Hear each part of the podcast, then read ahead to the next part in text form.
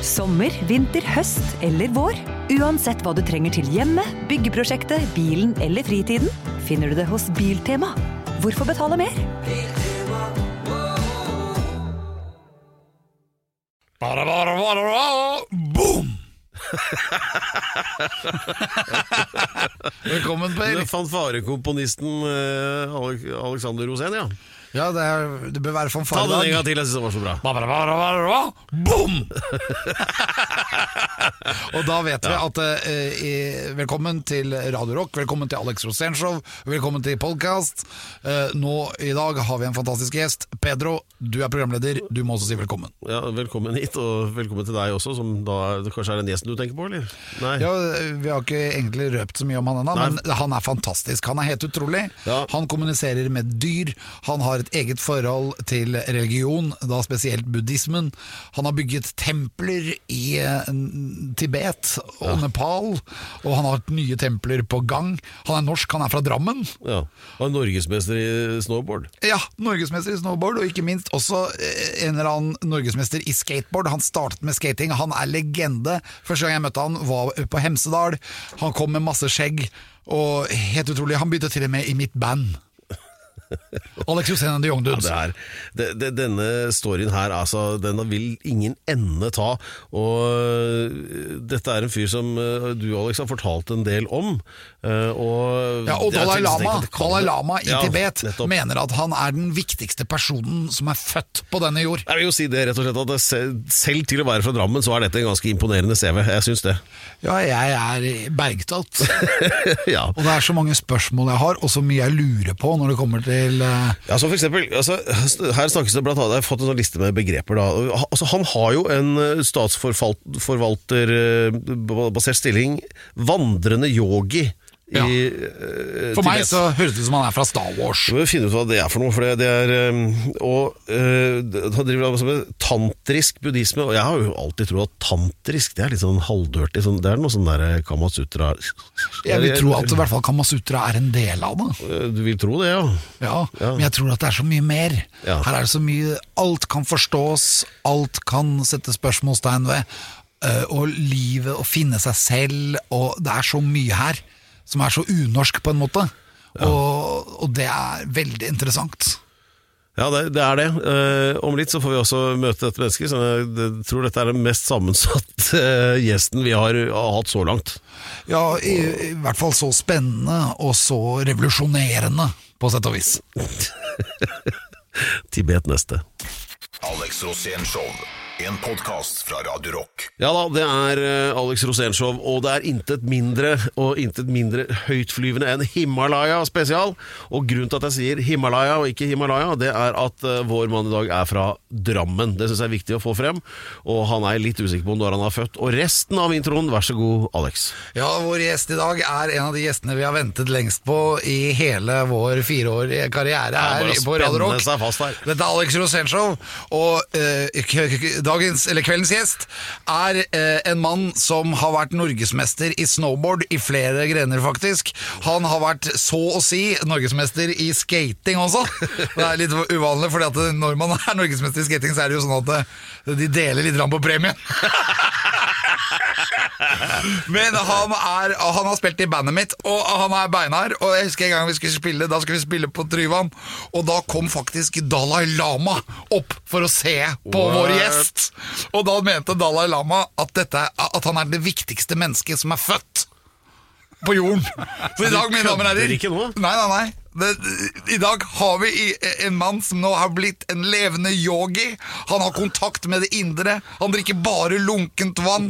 Og han sitter alltid i en eller annen positur, gjerne lotus. Mine damer og herrer, ta imot Jørgen Nøvik! Jørgen Nøvik! Det er så herlig! Hver gang jeg møter deg, Jørgen, så blir jeg så glad. Og så er det sånn, det er som om kjærligheten smeller i veggene. Tenk deg hvor mye vi har gjort sammen. Og det er akkurat som om det var i går. Jørgen, velkommen til studio. Takk skal du ha. Kan vi bare få, få lov til å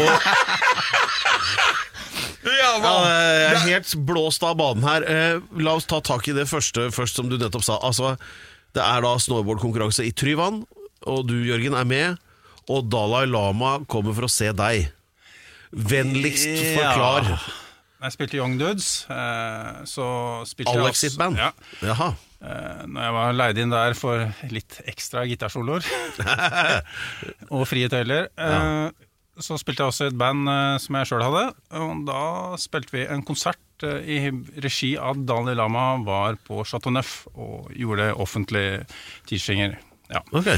Så det syntes han var kult, og da møttes vi dagen etterpå på Grand Hotell. Men da lå Alex og sov, tror jeg. Nekter jeg å tro. Var jeg, var jeg, så, var jeg så sliten dagen etterpå, tror jeg. Ja, ja men du, For du fikk en veldig sånn nær tilnærming til Dalai Lama tidlig, eller? Hvor, kom denne nysgjerrigheten fra? Eh, Den har jo kommet eh, med noe som er medfødt og kommer innifra. Og når du jobber litt med meditasjon og yoga og sånne ting, så hender det at du åpner opp for eh, kommunikasjon gjennom drømmer. Og, og det er noe som skjer over lengre tid. Da. Det, vanlige drømmer er som regel vanlige drømmer, men eh, det er utallige møter i virkeligheten som allerede har kommet som forvarsler i, i drømmer, enten en par uker i forveien, og så, så skjer det i virkeligheten. Og det er jo at man bygger en indre kontakt som transcenderer såkalt indre og ytre verden. Da. Og dette er normale ting som ligger i oss alle, egentlig, hvis vi gidder. Så, så det er ikke noe hokus pokus, egentlig. Det er, ja. Men Så du hadde da en eller annen kontakt, da? Ja, men uh, vi alle har det. Men hvordan kom da Dalai Lama frem, liksom? For jeg husker, husker veldig godt at du møtte ham flere ganger Ja, på den tiden da du spilte i bandet mitt. Ja. Stemmer det. Og, og, og Dalai Lama han ble jo forfjetret. Eh, det tror jeg han må svare på sjøl. Jeg tror han lurer på Hva som skjedde? han lurer på hva vi holder på med. For å si sånn. Eh, Men han ler jo. Så lenge han ler og ikke gråter, så er jeg fornøyd. jeg. Men, men unnskyld meg, altså det, dette her eh, Dalai Lama ja, ja, det er den Dalai Lama som vel lever fremdeles i eksil i India, som egentlig er overhodet i Tibet, da, mener vel folket. For sentral-Tibet så er han i hvert fall åndelig overhode. Ja. Det er han. Eh, Men eh, det er jo en kompleks kultur der med forskjellige såkalt kulturlinjer, hvor det er forskjellige overhoder, akkurat som man har forskjellige skoler og forskjellige universitetlinjer, og så har man liksom forskjellige professorer for de forskjellige universitetene her hjemme, og sånn er liksom kort forklart forgreningen der borte, da, de historiske linjene, såkalte linjer. Det, det vi må prøve å forstå litt nærmere her, da, det, det er altså det at eh, Ja da, vi, har, vi vet om Tibet og vi vet om Dalai Lama og buddhisme og det hele, Ja. men du altså, så dukker det, det, uventede elementet er altså en drammenser som heter Jørgen, som sitter her hos oss nå med Kiss-T-skjorte, Ja. og er et sentralt element oppi det her. Nå gjør han sånn rocketegn med to fingre, vet dere. Og, og, og ifølge Alex, da, som uh, har satt seg inn i sakene og kjent deg lenge, så har jo Dalai Lama selv et veldig sånn nært forhold til deg, og omtaler deg på veldig rosende vis som et av de viktigste menneskene som lever. Og du har lagd et tempel der nede, visstnok. Et gigantisk er Gigantisk tempel! Så hvordan henger alt dette sammen? Ja, Alex Rosén er jo en kjent uh, sjørøver og løs kanon på dekk, det vet vi alle, og det er sånne mennesker trenger vi. Det er Jo, bra. jo men er det, er det Um, tempel der, eller er det ikke? ja, jeg har det. Det er Ja. um, en yngre Og det er på størrelse med Vestfold, cirka, så jeg på et bilde her. Uh, det området i Øst-Tibet er gigantisk. Ja. Uh, han uh, overhodet av det klosteret der borte, av det gamle klosteret, han er sønnen av den lokale dronninga. Eh, Så historisk sett ja, eh, så er jo Tibet litt samme som Norge var eh, før i tida, før Harald Hårfagre, at det er småkonger oh, ja. i distriktene. Så han stammer fra en sånn såkalt kongelig linje. Og når han var i Norge i 2001 eh, og fremover, så hang vi ut, vi sparka litt fotball. Han fikk testa ut skateboard lite grann, og klarte i hvert fall å stå på det. Og så, i løpet av de neste årene, så fant jo han ut at uh, jeg er en kreativ person. Ja. Ja, og da spurte han meg i 2004 at eh, jeg har lyst å lage et nytt kloster. Du er kreativ, kan ikke du tegne kloster til meg? Så tenkte jeg, ja, ok, jeg har jo lært plantegninger og sånne ting, konstru konstruere ting, man skal frese ut ting og på kunstskole og sånne ting, så jeg tar oppdraget og ja, ok, la oss sette oss ned, og så gir du meg noen guidelines i henhold til hva er det du ønsker her, og så tar jeg et par dager, og så kommer jeg tilbake med ferdige tegninger. Og da hadde du tegnet et tempel. Ja, i plantegning fra forfra, siden og 3D ovenifra, og så i de forskjellige perspektivene, så sa, sier han da liksom Ja, akkurat sånn. Det var akkurat sånn jeg hadde tenkt meg. Var det? Og så gir han tegningen, og så går det et par år, og året etter, så 2005, så tar de det første spadetaket. Og i 2009 så står tempelet helt ferdig, og de har offisielt åpning med pomp og prakt. Gratulerer! Og... men hvor mange kvadratmeter er det her egentlig? For det er jo enormt. Ja, det er det, for det, tegningen jeg tegna var sånn Ja, det er stort, liksom. Ja, men, Men jeg, et, et eller annet tall som beskriver det. når jeg kom dit for to år siden, så fikk jeg jo litt sånn der eh, hakeslepp, for de har bygd det så sinnssykt svært i forhold til tegningene, liksom. Liksom Hadde du glemt å skrive på liksom, eh, Målet! tommer og ikke centimeter? Nei, men de, de bygger jo bare etter tegninger, og bygger til sine egne mål. ikke sant? Ja. Så de har sine egne gamle, tidløse eh, metersmål mellom søyler og sånne ting. Så de bare drar på de og bygger eh, sånn som de har bygd i tusen år. Bare sånn at lytterne skal skjønne hva, hva det dreier seg om. Altså, hvis du sammenligner med Slottet i Oslo, Ja. Hvor mange ganger større er det tempelet? Det er vel eh, nesten like høyt som eh, Slottet. Det er, det er tre etasjer på Ja. hovedbygningen, og så er det bredere. to vinger ut Ja, i to etasjer. eh, Og det er faktisk bredere enn eh, Slottet, ja. ja. Så Og du er, ikke, du er ikke akkurat arkitekt! Harald og Sonja, nå må dere bygge på litt. Det er så bra. Det, er så, så, som du sa, i jeg brukte et par dager på å tegne det. Jørgen Nøvik! Ja, det er, eh, det, mine damer og herrer, det er Himalaya spesial på Alex Rosén Show. Ja, ja, ja. Eh, Himalaya spesial, Alex Rosén Show, og vi har besøk av Jørgen Nøvik. Jeg synes dette er den mest fascinerende jeg har hørt i hele mitt liv, eh, og vi prøver å få dette til å henge sammen da, til en historie. Eh, Men vi skal nå tilbake til eh, 9. mai 1989, foreslår jeg, for det, det var den datoen da skateboard ble tillatt i Norge. Eh, Ja, og da det var deilig. åpna det seg nye muligheter for en liten gutt fra Drammen. Ja, altså De av oss som uh, skata da, kunne jo senke skuldrene, for det Vi måtte jo bygge ramps langt inn i skogen og Hvem var det dere var? Bare kids som hadde fått en fascinasjon for noe som den gang var eh, ulovlig. Og bestemoren og bestefaren min bodde jo rett ved Frognerparken.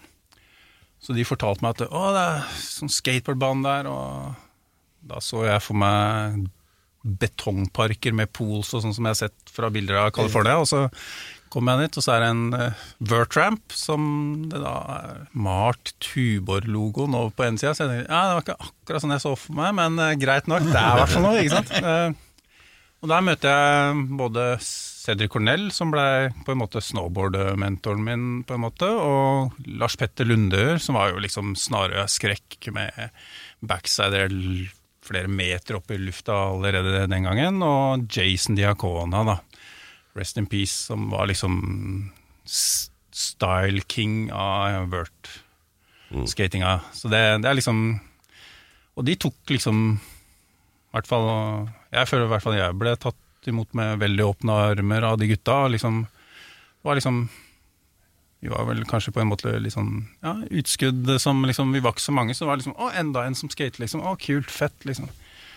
Oss mot uh, verden, ikke sant. Det er der, da. Så, så det var fett å skate, men uh, litt sånn kjipt å måtte liksom passe på brett og løpe fra purken i Frognerparken når uh, liksom Svartemaja kom og sånne ting. Og Var litt av spenninga, det òg, da. ja, Thomas Seltzer som sto og babla om punkbandet han hadde starta på platået av Vertrampen og sånne ting. da, så. Oslo, Oslo Ja, Motherfuckers. det, og så blei det jo lovlig, og så kom jo Spikverket ikke sant, med Fiflor. Og en dag så kommer det to gutter fra Nesodden, en med langt surfehår som heter Eivind, og en som heter Bård, og de hadde jo Bernhard Sports, ikke sant. Så de lurte på om da er du hypp på å skate for oss, så får du et par brett, og du får noen, no T-shirts og sånne ting. Og jeg tenkte jo, det var en no-brainer, det. Liksom, for da kan jeg skate enda mer, uten å måtte tenke på om jeg sliter ut bretta. Så det var bare å si ja takk, gjerne det, og takk for det.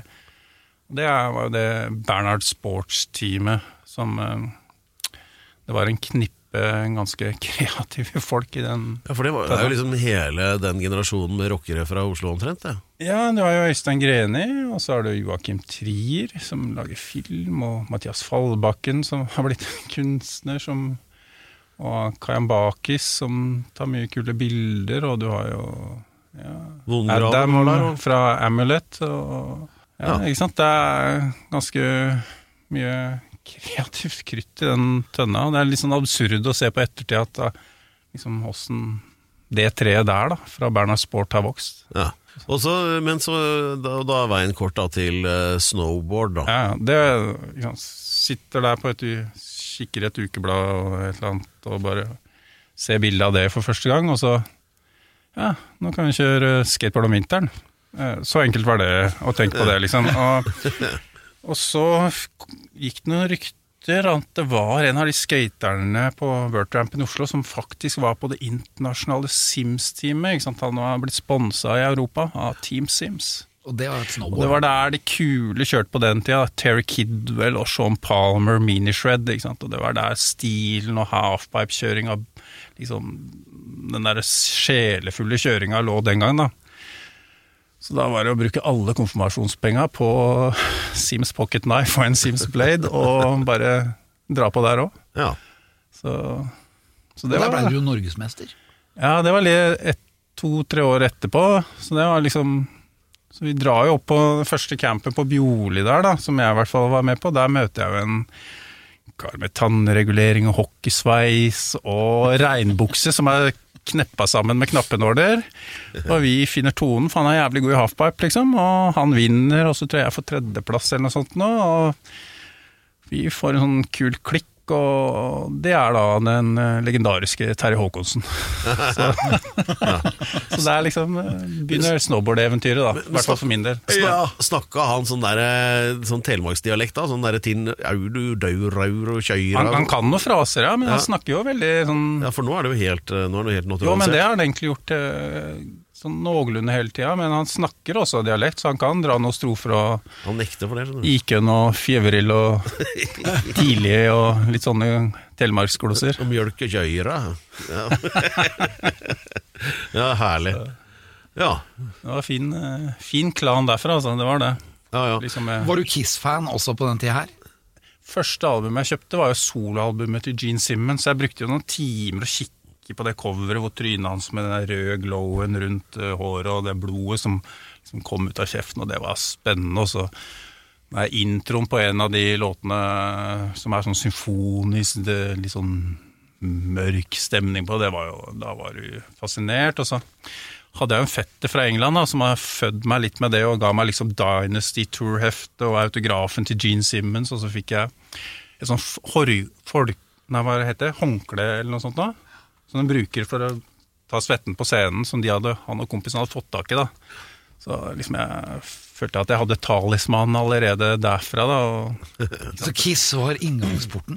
ja, altså når du ser pyr og scene som heiser seg, og sminke og disse såkalte superhero-karakterene, da, ikke sant, som er av en annen verden, så når du er liksom en kid, selvfølgelig er du dratt inn i det verden, da er du jo bare helt eh, Men uh. Dynasty-turneen til Kiss var jo også innom Drammen, og i Drammenshallen, men da var du for liten, vel? Da hadde jeg akkurat flytta til Drammen. Oh, ja. Blitt med på flyttelasset. Hadde Ja. ikke så mye valg. jeg tror det var første klasse. Ja, ok. 1980. Så det Ja, var da ja. hun spilte i Drammenshallen. Ja, ja, da, ja jeg var eh, jeg vokste også opp i Drammen, nemlig. Og da tror jeg kanskje var 11-12 år, eller noe sånt. Nå. Ja. Fikk tak i en sånn neve med plektere. Ah, Så var, snek meg på garderoben på baksiden. Det var bare en sånn Ja. Røde Kors-fyr som passa på der. Så det kjente. Men Pedro er jo en representant av det harry Drammen, det som egentlig kommer fra Hokksund, Nei, på en måte. men faen ikke dra inn Hokksund her, da! Bare Piss! Ja, men han og Pedro liker jo å sprenge biler og, og gjøre heftige ting, da. Ja, hvem gjør ikke Men du, du, du var mer opptatt av det åndelige Drammen. Nei, ikke nødvendigvis. eh, Det var ganske rock'n'roll eh, en stund, ja. Det var Ja, det. Noe skjedde. Ja, men, ja, det har jo med de hva skal vi si, meditative øvelsene, da, kall det det, eh, som jeg begynte med på World Cupen. Okay. vi kjørte snowboard, og så begynte jeg med litt sånn Hva skjedde? Nei, det åpner jo opp i ting i kroppen da, og ekspanderer bevissthet og, på en naturlig måte, uten at du trenger å dra til Amazonasjungelen og putte ting inn i deg for å åpne deg. Så det er jo, forskjellen er jo at du, hvis du åpner opp disse tingene på en rolig, mer naturlig måte, så er det noe som allerede ligger i oss, og det er vedvarende. Det går ikke tilbake til ordinær bevissthet. Da? For du henter fram en bevissthet som i utgangspunktet allerede ligger i oss, men vi må hente den fram og bli kjent med en over tid. Da. Dette har jeg lyst til å bli kjent med. Ja, jeg kjenner at sansene mine åpner seg, så det, det, det er den knirkelyden du hører. Det hadde jeg ikke Eh, du må få, Døra er på gløtt. Ta, ta, inn, eh, ta inn dette her i litt sånn eh, mindre porsjoner for oss som er sånn ikke så fullt så åndelig utviklet, men eh, jeg er straks tilbake. Alex Rosén podkast. Det er altså Himalaya spesial her i Alex Rosén Og, Og Himalaya, det er en fjellformasjon i Asia. Ja, det er det. Er, Bare for nye lyttere. Ganske høy en. Vi må ta med våre nye lyttere. Ja, ja. Vi starter der, ja. Eh, og eh, vi har vel også da slått fast at eh, forbindelsen til Drammen er veldig tydelig. Eller det vil si, den kan bli tydeligere, vil, jeg si. Fordi vi har besøk av altså Jørgen Nøvik. Ja, og dere, som og Jørgen Nøvik og deg har jo veldig forskjellig utvikling, selv om dere er fra Drammen begge to. Jeg syns den er nesten parallell. Jeg foreslår til at dere som lytter på, åpner sansene nå og tar dette inn. fordi at nå skal vi over i den mer sånn tantriske delen, eller hva det heter. Av, da fikk jeg et nikk fra Jørgen Nøvik. eh, Fordi overgangen da fra eh, altså en karriere da, som det faktisk var innenfor skateboard og snowboard og norgesmesterskap og det hele, eh, til en åndelig faktisk posisjon i det buddhistiske eh, Tibet, med ansvar for templer og det hele. Altså, hva skjedde her, da? Hva... Nei, hva skjedde? Ja. Jeg sitter i, på Huntington Beach i California. Ja. Jeg har slutta sesongen med en åttendeplass i Mammoth Mountain. eh, Og har fått en gave av sponsoren min. Eh, En Les Paul Sunburst. Gitar? Gitar, ja. Sånn som Ace Frehley og Jimmy Page spilte på. Ja. Og så får jeg tilbud om å fortsette som teammanager og gå for OL. Og da tenker jeg at eh, nei, det skal jeg ikke, for her er noe moralske ryggradprinsipp. At eh, jeg snur ikke ryggraden mot det internasjonale snowboardforbundet og må liksom dikteres til å kjøre FIS in World Cup for å komme til OL. Ja. Så jeg tenker at det, på de premissene så er det helt uaktuelt. Men, Hvorfor det? Jo, fordi at eh, litt moral må man ha, da, i henhold til hvem som har gitt oss lekeplassen i alle år. Ikke sant? Og så plutselig kommer IOC inn og sier, dikterer oss at vi får ikke lov til å kjøre vår egen World Cup. Ikke sant? Og så tenker jeg bare Nei. Ikke sant? Ja. Så jeg bare fortsetter å kjøre, og så sitter jeg også og tenker at eh, Nei, jeg har jo dette som er gjerda med å starte band og jobbe mer med kunsten og sånne ting som har ligget der i en del år og ulma. Og, og så er det andre ting jeg må se på. Jeg må, jeg må dra hjem til Norge, og så må jeg finne en uh, sjaman av disse uh, såkalte lucid dreamsene da, som har foregått i mange mange år, som har med sånne shapeshifting og sånne ting. For jeg var veldig opptatt av Apache-indianerne og Lakota-indianerne, og på en måte gjort private studier i det de kaller medisinhjulet sitt. da, og og som man relaterer til å leve litt mer i harmoni med omgivelsene og den form for livsfilosofien, da. Og da drar jeg tilbake til Norge, og Møter du sjamanen? da ringer jeg en som heter Ailo Gaup, en samesjaman og Det, det, er forfatter. ikke, det er ikke Ailo Gaup med motorsykkelen? Nei, men det er onkelen hans. Oh, ja. Eh, Han er dessverre ikke fysisk med oss eh, lenger, men så jeg ringer han og prøver å formulere noe. Og det er som, nå er det mye ting som skjer her, og kan jeg få lov til å komme til deg og snakke litt, og kanskje du kan, kan sette noen ord på disse tingene, og nå er det mye sterke opplevelser her. Og, så vi får et godt vennskap der, og så gjør vi en del sånn hva man kaller praksiser, og hvor eh, han og jeg utveksler noen erfaringer da, med de tingene, og hvor han på en måte kommer til et punkt hvor han da gir kraften sin videre, som det heter på det språket. Altså inn, gir en innvielse inn i det, og etter det så sier han litt sånn spontant bare ja, du må lese den Den er en bok som heter det og det om Milarepa. Og så må du kikke på Tibet. Eh, og i seinere år så har han liksom tulla litt og sånn Nei, det husker jeg ikke at jeg har sagt. Eh, Men to uker etter det så møter jeg Lama Changchup, en tibetansk lama som har bodd i Norge da i en del år allerede. Og ramler inn der og sitter og kikker litt rundt, og da er det mange ting som faller på plass.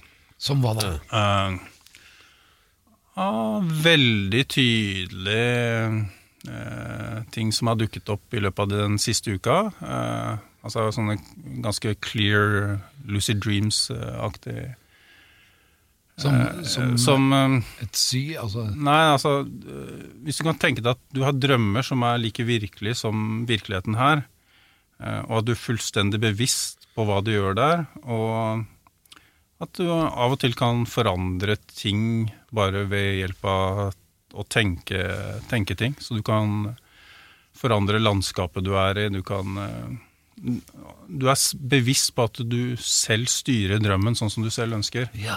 Ikke sant? Eh, Og dette kan utvikles med forskjellige praksiser som heter dream yoga, som er ett av seks praksiser i et større kartotek av metoder. Eh, Så når jeg kom ramla inn der, så var det plutselig et par ting som Ok, her er ting som passer sammen. Jøss. Eh, Og da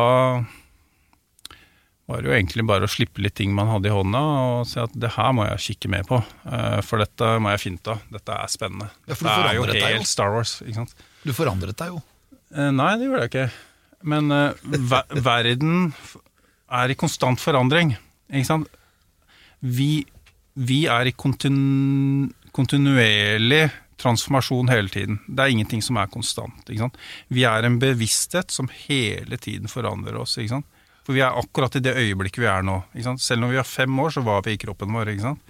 Men bare det øyeblikket har forandra seg pga. hva vi har spist og hva vi har gjort, og så ser vi sånn som vi ser ut nå. Ja. Ikke Bare, bare en sånn bitte liten sånn håndfast ting, da, eh, Jørgen. For at Ja. uh, dette her er jo sånn det, det, Dette er litt sånn above my mental pay grade, for å si det sånn, det, du snakker om nå. da Uh, Men, men jeg, jeg skjønner jo logikken Ja. din. da Men i sted for eksempel, da jeg var på veien her, så, så spør Alex deg sånn Ja, hvordan går det med deg med koronaen og virus og sånn? Så, så, ditt svar var, jeg noterte seg her Å ja, nei, det bare transformerer jeg bort, det. Wow! Hva gjør du da? Dette her, her er litt Star Wars. Nei, altså, I henhold til den delen, sånn, sånn hvis man skal snakke sånn litt, litt sånn sånn, realistisk og, ærlig Ja. om det, så er det jo liksom at man tar Selvfølgelig jeg tar hensyn til alle andre, ikke sant. Jo, jo. Eh, og så bruker jeg munnbind pga. på grunn av andre, ikke sant. Ja. På grunn av at jeg tar hensyn. Eh, men når det gjelder transformering der, eh, i hvert fall i denne diskusjonen, så trenger vi ikke å linke det opp til korona i det hele tatt. Men det er praksiser som vi jobber med i det tantriske yogi-tradisjonen, hvor vi rett og slett transformerer eh, ting. Vil si at vi transformerer gift til medisin. Altså ikke bare metaforisk, men eh, vi jobber med energier i kroppen og sånne ting. At vi transformerer det til visdomsaspekter. Så dette har med vårt eget sinn å gjøre også. At vi har sånn som greed, anger, attachment osv. som vi kan transformere i vår egen bevissthet hvis vi jobber med det. Og i henhold til disse metodene, så er det liksom det første skrittet her er jo at eh, man skal jobbe med sine egne handlinger, sin egen tale og sitt eget sinn, da, ikke sant? først og fremst. Ikke sant? Så for eksempel da, folk som går og baksnakker andre og snakker negativt om andre og andre, og, og han gjør sånn og sånn, og særlig vel når det kommer til spiritual practice, da har du faktisk egentlig ikke begynt å praktisere ordentlig engang. For det. Eneste ansvaret vi har som mennesker er egentlig å transformere våre egne handlinger, vår egen tale og vårt eget sinn. Og før vi har gjort det, så er det ingen av oss som har autoritet eller noe badge på her for å snakke om hva andre gjør. Og det handler jo om å ha litt medfølelse for at ja, alle sliter med sine ting eh, på sine måter, og egentlig så har vi ikke noe behov for å dømme andre. Vi burde heller ha mer medfølelse og skjønne at det er lidelse, ikke sant. Så jeg tror kanskje det er litt bedre. Altså, Ja, let love rule, ikke sant. Ja, det, det høres jo kjempefint ut. Det, Lenny Kravitz. Litt sånn fantastisk, spør du meg. Lenny Kravitz sa det tydelig med førsteskiva si, som kanskje er hans beste, men let love rule. Ikke sant? Det er, ja. Du, hvis vi ikke har medfølelse, kjærlighet for hverandre og kanskje litt forståelse, hva, hva er det vi egentlig holder på med? Noe av det som er så fint med podkast, det er jo at du kan høre på samtidig som du gjør noe annet. da Rydder i kjelleren eller boden, f.eks. Og alt du trenger av flytteesker og oppbevaring, det finner du på Det er Himalaya spesial i Alex Rosénshow, og Himalaya-Alex det er høyere enn Grefsen til og med. Eh, og vi har besøk av Jørgen Nøgel. Jeg syns det er utrolig fascinerende eh, altså, Du driver og forteller oss da om en slags sånn Det er jo en åndelig reise da til Tibet, men det er noe er litt mer håndfast enn det, og det er det vi prøver å, liksom, å få tak i, vi som er litt mer sånn eh, Ja, eh, ålreit. litt- Men fra den ene sida av Drammenselva. ja, ja der, der, der hvor det ikke er mest sol, for å si det sånn. Eh, at, eh, nei, nei, at eh, det, det er mer sånn håndfaste eh, holdt på å si kommersielle, men tabloide ved dette her. Da. Det sånn Dalai Lama som alle har hørt om, som er veldig oppmerksom på deg. Og, uh, apropos det, forresten. Uh, han ble jo gjenfødt igjen og igjen, Dalai Lama, og det, ja. dette har pågått i 600 år eller noe sånt nå.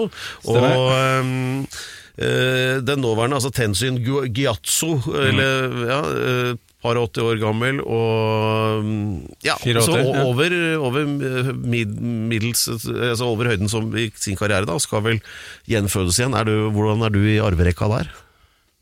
Kan vi få en Dalai Lama som heter Jørgen fra Drammen? Altså, det han har tydelig sagt sjøl, er jo at eh, han kommer tilbake ikke etter eget behov, men hvis behovet hos hans egne er sterkt nok. Og her snakker vi om det som heter bodhisattva-aspektet. At eh, de som er på det nivået der, da, eh, eh, de manifesterer seg i henhold til hva det kollektive trenger, eller hva de ønsker. Så det er ikke noe sånn at han sier at 'å, nå skal jeg gjøre, dukke opp der igjen', pga. at eh, «Mhm, der trenger jeg meg. Det er jo ut av medfølelse for hva andre måtte trenge. Så det, det er det sånn kort forklart hva som ligger litt bak det prinsippet. Men Ja.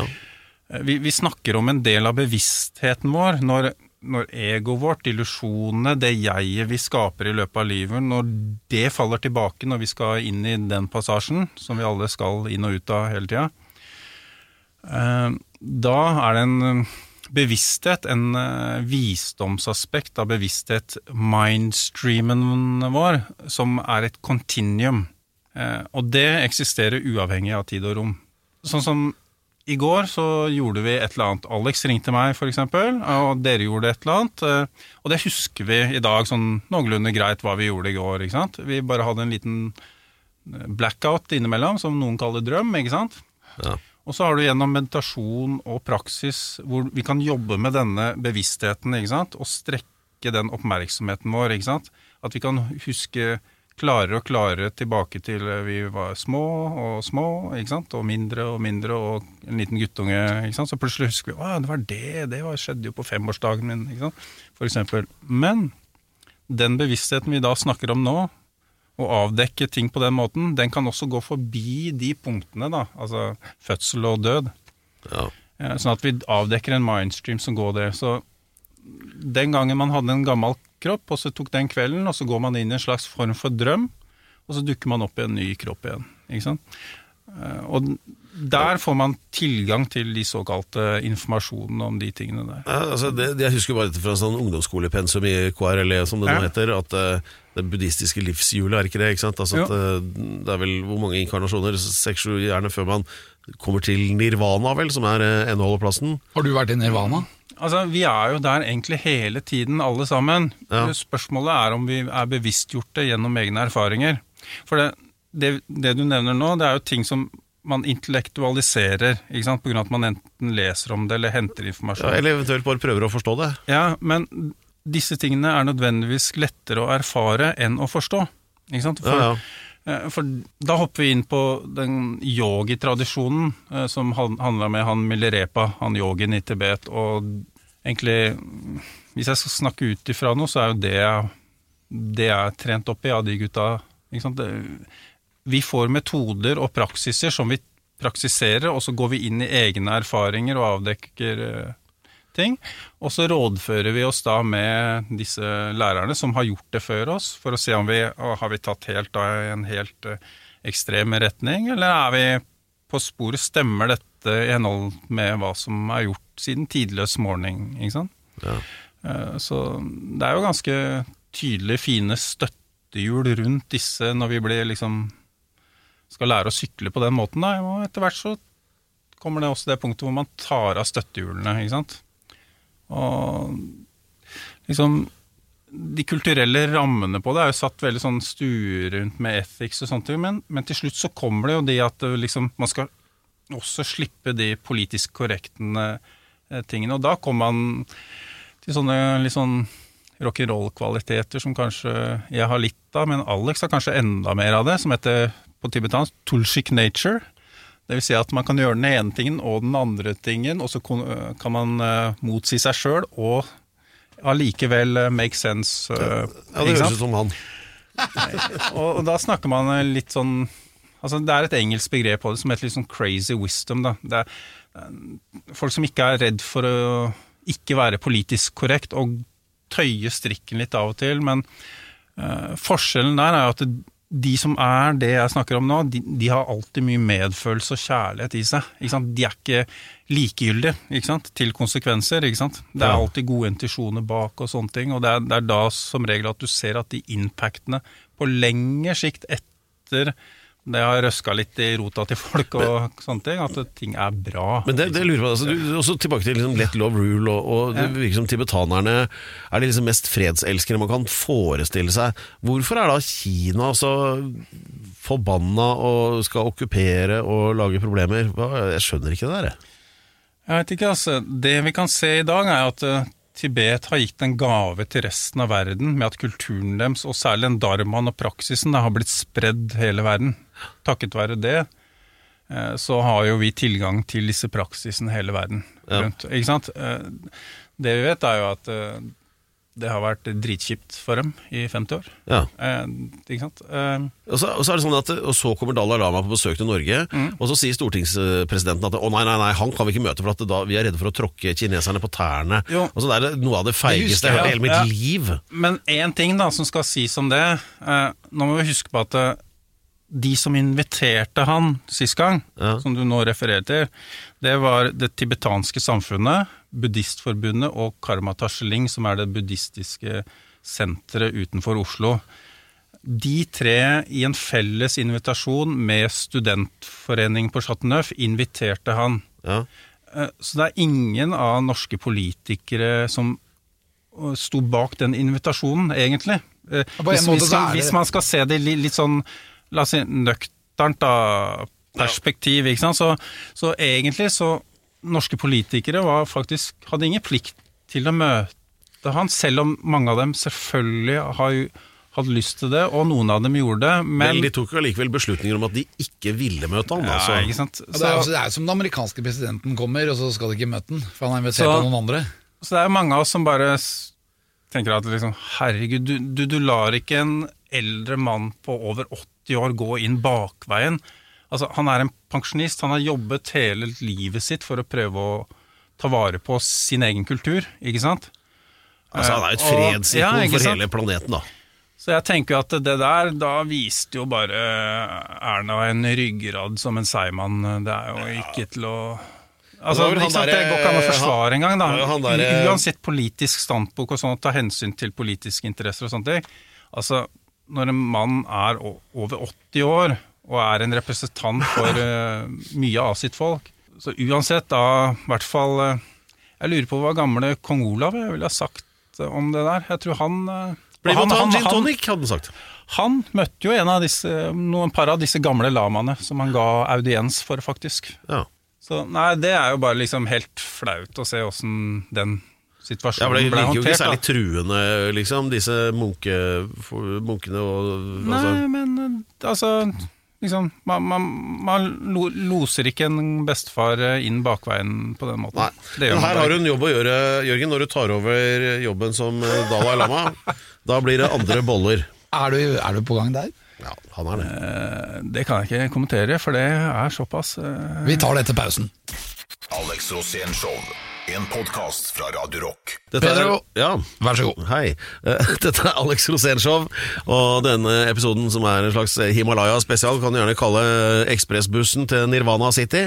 Vi prøver å oppnå en da dypere forståelse av uh, tantrisk buddhisme, tror, tror jeg er sånn noenlunde rimelig å kalle det. Og vi har Jørgen Nøvik her, som er både norgesmester i snowboard og en vandrende yogi. I den tibetanske munke, munkekulturen. Bare stopp meg når jeg sier noe feil. Han nikker. Eh, og nå skal vi snakke om David Bowie. Ja, Ja, jeg bare hørte du snakka om han nå mens vi hadde en liten pause. Ja på det var. for han studerte jo i sin tid eh, med en lama som er Chimirizin, eh, som i England. Ja. Eh, Og spurte jo da tidlig i sin karriere om han skulle heller være munk. eh, Og bli munk, da. Ta munkeløfter. Ja. Og han fikk bare klar beskjed av Jimmy Rigsin at nei, du skal bare lage musikk, du. Ja. Ikke sant? Godt valg. Ja, Så det er kanskje beste rådet han fikk eh, ever, tror jeg. I hvert fall for oss andre, da. For det, all den gleden og absurde, kule karakterene han har kanalisert til resten av verden, er jo en gave vi har fått som er helt rå. Ja, ja. Hvordan eh, råd fikk du? Jeg fikk en sånn noenlunde samme råd først av han jeg tegna klosteret for.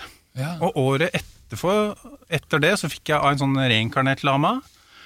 Fikk jeg også samme råd at eh, han liksom bare sa det samme som han sa, kikka på meg bare You monk, I don't think so, I think you better nakpa. Og det var det han sa året før, han andre. Og så et år seinere i Katmandu, så etter jeg har vært langt inn i jungelen der, inne i sånne huler og sittet og holdt på med meditasjon, kom jeg tilbake til en som heter um, Lama Wangdu, som uh, også Lama Changchup her i Norge kalt, uh, ba meg Han må du sikte med, for he's the miracle lama. Ja. Så jeg dro til han, da, og så begynner han bare å le når han ser meg. Og så bare Aha! Guru Rinpoche, yeah, yeah, yeah, yeah, you nakpa yogi. Så tenkte jeg bare ja, da er det bare å kaste inn det ønsket med å være munk, for det tydeligvis ikke ligger ikke i min natur. Eh, Da er det kanskje mer naturlig for meg å gå denne yogi-tradisjonen hvor man skal ha en fot i begge verdener, ikke sant. Og det passer meg godt, for jeg veit at jeg hadde slitt veldig med å være ordinert munk. Og så er det jo at utspringet til den tantriske buddhismen og Milerepa og lærerne hans også ligger nærmere også det her, ikke sant, det opprinnelige, hvor du nødvendigvis skal eh, være fullstendig til stede akkurat sånn som virkeligheten er. Du skal forholde deg til det som faktisk er. Og heller omfavne alt med medfølelse og våkenhet, og nødvendigvis ikke trenge å gi avkall på noe. Men du skal gjøre det fullstendig bevisst på hva du foretar deg. Eh, Så det, det blei da og bare Ja, ok, greit. That makes sense. Jeg kjenner meg sjøl, og det også resonnerer med det jeg er som vesen. Så det var greit. Det, var, det var en vei å gå her, for jeg husker når vi var unge, holdt jeg på å si, på 90-tallet, så spilte vi litt sammen. Ja, og da husker jeg eh, jeg hadde Alex Rosén and The Young Dudes, Yes. og du kom inn som en young dude. Du skulle spille gitar. Yeah. Og det var ikke bare bare, for det var også en slags eh, et steg for deg. Du kom jo ikke Ja. bare inn der, du, du gjorde jo masse grep. Ja, jeg har jo gitarister gjør. Ja, ikke sant. Eh, Ja, men du gjorde masse åndelige grep også. For du, jeg husker at du. Trommeslageren vår Ja. irriterte seg helt sinnssykt. fordi at du hele tiden skulle drikke lunkent vann. Ja, det er bra for fordøyelsen. Ja, så du, Men du skulle varme det vannet. Ja. Så sa jeg, står du her og lager lunka vann igjen?! Husker du det? Ja, han var vel kanskje litt uh, Men han uh, mykna opp etter hvert, da. Han gjorde det. Ikke sant? Men så, men så skulle vi spille Vi spilte på en snowboardcamp oppe på Tryvann. Ja, ja. Husker det. Og der eh, Det var kanskje din premiere. Ja, det var liksom eh, Hva var det du sa? Ta, møte opp der, og så ser vi hva som skjer, ikke sant? Ja. Og, Du hadde, du hadde ikke øvd. Nei, jeg måtte ta alt på sparket, ikke sant? Og uten at du sa det, så var det liksom Hvis jeg består der, så blir jeg med på en par gigs til i løpet av den turneen, ikke sant? Og hadde, hadde ikke det funka, så hadde det ikke blitt noen flere spillejobber. Det er jo sånn det funker. Ja. Og tydeligvis så er jeg kanskje litt på sånn Ace Frehley-bagen, at jeg bare tar det på sparket. Ace? Frehley Kiss. Ja, ikke sant? Eh, Jeg, jeg, jeg, jeg spiller jo ikke etter- etter noter, jeg spiller etter gehør og tar ting eh, spontant på sparket. ikke sant? Jeg bare hører det som skjer der og da. ikke sant? Eh, Ja, Det er sånn jeg spiller gitar. Husker du åssen du entret scenen? Ja, eh, Da hadde jo jeg det runde teppet mitt, vet du. Det? Som jeg har eh, ved pedalbrettet mitt. Hva, hva var det teppet? Og jeg endte vel opp oppå på toppen av PA-anlegget, og der står og spiller gitarsolo. Stemmer ikke det? Jo. Ja, okay, ja. Men du, du, men du så jo ikke ut som de andre i bandet, for det, var et Ja. band som så ganske normale ut. De var litt punka og sånn. Men du hadde en helt egen måte du hadde justert deg før du kom på scenen. Husker du det? ja, jeg har jo en egen dress. Ja, du hadde helt egen Egen, dress. egen outfit. Litt sånn gullaktig, husker Ja. jeg. Elvis hadde jo gulldress, vet du. Ja. Og jeg veit at du digger Elvis. Men så malte du deg. Ja, jeg har jo en egen Kiss-makeup. Men ikke en som ser ut som Kiss, men min egen karakter. Hva var det? Det er jo Så hvis Kiss skulle e- trenge litt ekstra gitarsoloer, så har de en, en ferdig sminka original karakter de bare kan leie inn. Ja, hva var det du hadde sminka? Du hadde en sol, husker jeg. Ja, jeg har en sol i panna, så har jeg noe blått rundt øynene. Og, så, Ja, og nesa di var blå. Nei, den er, nei, den er ikke blå. Ja, Det er, ikke noe Rudolf og blåkors på nesa. Altså. Men du du hadde et helt eget sånt Ja, ja. Og så hadde du stokk. Ja, ja. Har en gentleman stick, selvfølgelig. Ja, Og så kom du inn på skateboard. Yes. Nei, det var Haugesund. Var det Haugesund? Når vi møtte Elin Tvedt på flyet, husker du det? Ja. Men dette her var en periode hvor du var Fordi at du ble jo ikke værende i bandet. Så du var i en utvikling da. Ja. For plutselig så forsvant du. For jeg kom jo fra et band før, ikke sant? Ja. som jeg holdt på med. Og så reiste jeg i Tibet og Himalaya og de stedene. Og så var det jo det krympelaget hvor du da inviterte meg inn på det. Ikke sant? Og så dro jeg tilbake til Himalaya etter det, og jobba litt videre med egne bandprosjekter som bare ligger og ulma fram til nå. Ja. Og, men og, i, i her- på et av de konsertene her så kom jo Dalai Lama. Uh, det var jo den støttekon... Når vi spilte to konserter, det ene med ditt band og med mitt band på Ja. Chateau Neuf her. Det var Da- nesten da- så jeg ikke trodde det jeg så. Nei, og da var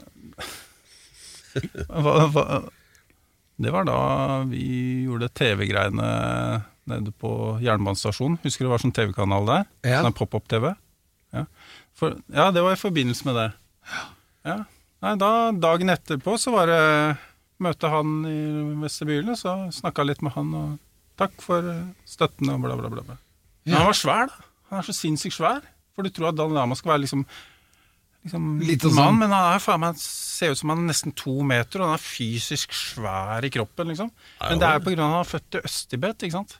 De der østtibetanerne, de er jo gamle krigere, ikke sant. De er brutalt svære og volum i kroppen og sånne ting, men Sentral-Tibet er mer spinkle, små, sånne 1,50, 1,60 Litt mer Prince-høyde på. Det sa Dalai Lama noe til deg, eller Alex? Nei, jeg var bare veldig fascinert av alt det som skjedde, for det skjedde så mye med deg på den tida. Ja, det skjedde mye rart, da. Det gjorde det. Og så etterpå så har jeg jo sett bilde av at du kommuniserer med dyr. Hæ? At du sitter, du har, Det ja. et sånt bilde hvor du har kommunikasjon med en ørn. Å ja, den ørnen, ja. ja. Den er litt kul. Kom den til deg, eller? Det der var eh, i Sibir. Ja. Men uh, jeg har hatt en par ørner sånn på hånda, ja. Og det er en enorm sånn der energi. Uh, altså, altså du, du ser det samme hvis du ser en tiger i øya, liksom. Det, det er helt sånn uh, fryktløs. Den er liksom på toppen av næringskjeden sin, ikke sant. Ikke sant? Den er konge, da. Og ørnen har en sånn der energi som har et sånn overblikk og en klarhet som er helt rått. Altså. Er- Har, du, har, du, har du fått noe av det? Uh, I deg? jeg har noen ganske sånne sterke, hva man skal si, tantriske eller sjamanistiske erfaringer som har direkte med ørnen å gjøre. Det har det. Og har jo fått noen gaver av folk, så jeg har jo, jeg har en kost, full ørnekostyme jeg, med ekte ørnefjær, men den, den er eh, bare hva man skal si, i alterrommet. Den, eh, den er ikke for offentligheten, da. Den er ikke det. Men altså, som Alex spurte om, altså, kommuniserer du da med en? Kan du kommunisere med en ørn? Det, det, det vi snakker om her, er at i, i såkalte shamanistic state of consciousness, sånn som den samiske nojaden gjør også, er at du går inn i dype, dype meditative tilstander, hvor du går inn i kroppene til ørner og Eller eh, hva slags dyr som ligger til deg, da, ikke sant. Og så kan du reise i de kroppene over landskapet og speide landskapet for å se om ting er som det skal, eller om det kommer farer og sånne ting. Ja. Så det, dette er jo ting som både indianerne og samene og eh, disse tantriske yogiene i Nepal eh, har praktisert og visst om hele tida. I, I vår kultur så har vi det kun eh, levende som eventyret. For vi har, vi har på en måte, enten om vi har blitt tvunget til det pga. det som har skjedd her de siste tusen år, ikke sant. Eh, Så det vi har igjen da, av dette, er jo eventyret. Vi har det norske eventyret som en kulturarv. Det er egentlig det jeg prøver, er inne på og har lyst til å si her. Ja. Eh, Men vi, vi lever nødvendigvis ikke i eventyr lenger. Ikke sant? Det er blitt en fortelling på nattbordet. Ikke sant? Så Men de norske folkeeventyr, du snakker om altså, disse med troll og, og ja, ikke sant? Ja, trollet, ta det. Ikke sant? Ja. Når sollyset kommer, så sprekker trollet. Ikke sant? ja. Sånn som med oss, ikke sant. Når vi er i vårt ubevisste og sånne ting, ikke sant, Eh, så hersker trollet. Men idet vi når innsikt, klarhet, klarhet, opplysning, så sprekker trollet, ikke sant. Ok. Ikke sant? Så eventyrene har sitt språk til sin samtid. Ikke sant? Så spørs det jo hva er relevant der til nåtiden. Hvordan åssen kan eventyret gi oss noe i den hverdagen vi lever i nå? Og det, det er ikke sikkert det kan gjøre, men hvem vet, kanskje det ligger mye i eventyret. Og det vi vet med i hvert fall Torbjørn Egen, er at det ligger veldig mye bra moral. Så vi trenger jo ikke å preke til kids, egentlig. Vi kan bare lese kule eventyr, så skjønner jo folk at Kardemommeby har også sine pros and cons, som det heter. Så det er jo det er mye som ligger i eventyret, og så er jo spørsmålet hva stammer eventyret fra? Hva, hva er opphavet til historiene i eventyr? Og der er det mange forskere og akademikere som mener at det, noen av disse sjumilsstøvlene og sånne ting, at det at disse kan ha hatt sitt utspring fra såkalte sjamanistiske erfaringer eller personer med ekstraordinære egenskaper eller styrker, ikke sant. Eh, Tenk da om tusen år eh, kommer det sikkert til å være balle på seg masse røverhistorie om eh, Telemarksgutten som vant 47 World Cup i halfpipe, ikke sant. Og, ikke sant? Ok, nå har vi digitalisert eh, dokumentasjonen i et samfunn på en helt annen måte, men hva om vi ikke hadde hatt det? Åssen hadde historien om Terje Håkonsen vært om 1000 år? Ikke sant? hadde blitt veslefrikk med fela, det. Ja, ikke sant? Du? Ikke sant? Så det er nødvendigvis ikke at vi sier at det er sånn, men hvis vi har i hvert fall et åpent sinn da, til å si at det, kan det hende at disse eventyrene har noe resonans tilbake til disse tingene. For det, det fins enda yogipraksiser i Tibet og i Bhutan som enda praktiseres, som heter longompa, altså transwalkers, hvor de går inn i disse tilstandene, hvor de krysser enorme geografiske tilstander, sånn uten å være sliten. Sant? Så de går inn i en slags form for tilstand hvor de bare setter seg på autopilot, og så løper de kjappere enn en maratonløper? Men de løper sånn endeløse til... Altså Avstander. til- avstander i en tilstand som er eh, transelignende, da, ikke sant? Så sjumilsstøvlene finnes i en annen kultur, ikke sant? Har du eh, opplevd dette, eller? Eh, Jeg har møtt en av disse lamaene ja, som eh, sitter på de, den praksisen, og så har jeg prata med noen av disse som har gitt meg direkte ja, forklaringer og instruksjoner i åssen eh, Hva er det som skjer, og, og åssen praktiseres det. Så, så dette er liksom For folk flest så høres jo dette ut som et eventyr og mye rart, men eh, hvis man virkelig ønsker å se seriøst på det, så er det faktisk levende tradisjoner og praksiser eh, som kan verifiseres Det finnes jo mange unge i dag som sikkert lurer veldig mye på, på, på, på dette, og Ja. som er like nysgjerrige som det du har vært. Eh, Hvilken vei skal de gå? Hvor er det de kan finne ut mer om dette? Jeg tror det er viktig å ha med seg mye realisme inn i det også, for eh, man skal ha litt balanse til den verden vi også lever i, og hverdagen vi er i. Så det er balansekunst, det her. Eh, Bortsett fra det, så er det jo et par steder eh, som man kan studere disse tingene, med også akademisk approach. Sånn som i Katmandu. Der er det en par norske som faktisk har tatt bachelor degree, hvor du kan blant annet gå inn og ta både sanskrit og klassisk tibetansk, også filosofi og de tingene, oppå det med også å praktisere, hvis folk ønsker det. da. Så Det er et sted som heter Rangi Yeshi Institutt, som ligger i Katmandu. Og så har du jo steder i Bhutan, men Bhutan er så sant du ikke studerer med en lama som bor i Bhutan, så er det praktisk talt umulig å komme inn dit som en praktiserende, da. Eh, Bhutan, er det stengt? Nei, det er åpent, men de er veldig påpasselige med åssen de slipper folk inn dit. Det er de. Og det er jo kanskje det råeste stedet jeg har ramla inn i, liksom. For det Åh, dette må vi høre mer om, Per. Se, Per, nå tror- ser du ut som en buddha! Ja, men jeg, jeg, jeg, jeg sitter nå og bare ser for meg at dere to vandrer rundt oppe i Himalaya og, og føler. Ja, og tenk deg det, det hadde vært spennende. Det hadde vært fett, det. Ja, dette har vi snakka om før, dette Ja. må vi bare gjøre. Alex Rosenshov i Bhutan. Yeah. Ja, den eh, lettere tantriske følelsen du kjenner inni deg som lytter nå, den kommer av at du har snubla inn på Himalaya spesial her på Alex Rosénshow. Vi har besøk av Jørgen Nøvik, som er vandrende yogi i eh, Tibet. Oppsøker hellige steder og, Og har leter etter disse. Og fått et svært tempel oppkalt etter seg. Jørgen Nøvik-tempelet. Jørgen Borg. Jørgen Borg, ja. Skulle hatt et på Bygdø. vet du. Det har vært fett. ja men uh, har, du Nøvik lag- Abbey. har du lagd flere templer? Eh, Jeg har tegna for et sted Ladakh også, som ligger i Nord-India. Nordvest-India. Og så gjorde jeg noen eh, tidlige tegninger før de siste arkitekttegningene til det som er ute på Bjørndalen i Norge. Og så har jeg også noen tegninger som jeg har gitt fra meg til tre forskjellige folk i Bhutan. Hvor det kanskje blir bygd noe der òg. Fantastisk. Hvor er du nå i din utvikling? Jeg husker sånn fra Ja, eh, akkurat 2000-tallet. her. Ja, er du det? Er du, er du i nåtid? Ja, alltid. Hvordan er det der? Det er bra, det. Eh, For du var veldig søkende i dine yngre år, husker jeg. Og så skulle jeg eh, Jeg husker vi- når vi skilte lag på en tidspunkt, det var på 2000. Ja, Jeg dro til Nordpolen Ja. for å oppdage Nordpolen og kommunisere med dyr.